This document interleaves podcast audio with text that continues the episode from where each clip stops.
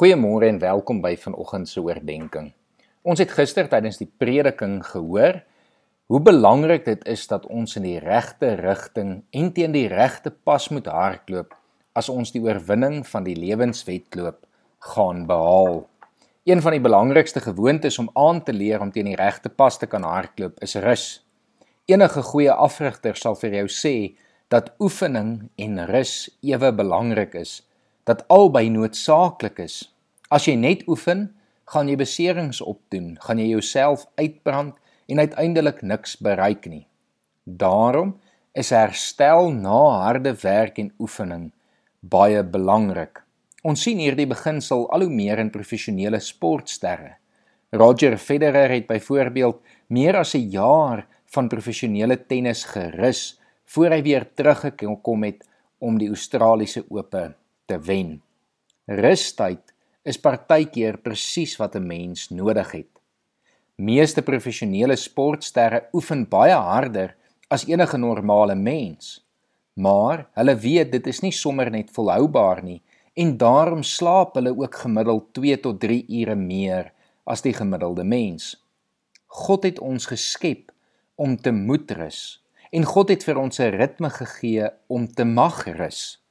Daarom maak dit glad nie sin om teen God se skepping in te werk, onsself te oorlaai en uiteindelik onsself uit te put nie.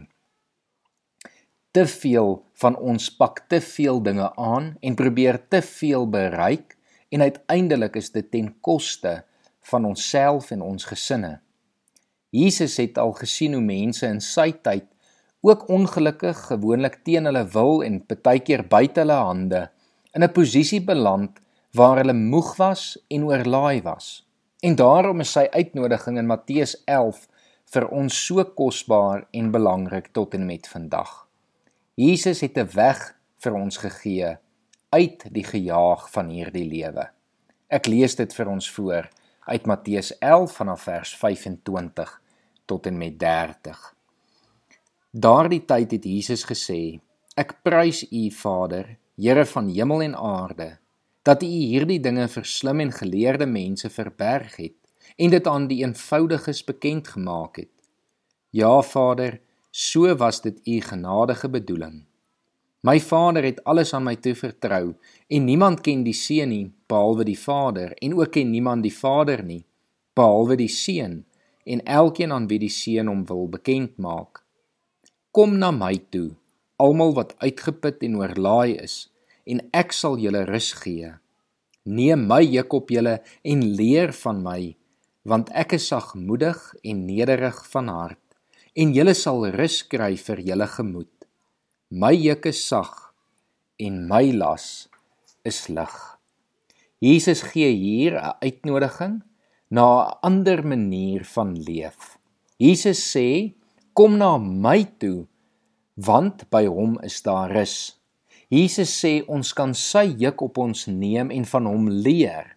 Nou 'n juk in die tyd van Jesus het meer betekenisse gehad as net wat gebruik was uh om te kan ploeg. 'n Juk was ook 'n rabbi se interpretasie van hoe 'n mens moes leef na aanleiding van die wet. 'n Juk was dus eintlik 'n bepaalde interpretasie van 'n lewenstyl wat 'n mens behoort te handhaaf. En Jesus sê dat ons by hom kan kom leer hoe lyk 'n lewenstyl wat vir ons rus vir ons gemoed kan gee. Dit beteken om te weet ons kan rus, ons mag rus want dit is ook 'n gawe van God. Mag jy dan vandag dit geniet om op 'n manier 'n ander manier van leef te begin leef. Mag jy vandag besef jy mag ook rus en dat jy rus nodig het en dat God dit vir jou gun. Kom ons bid saam.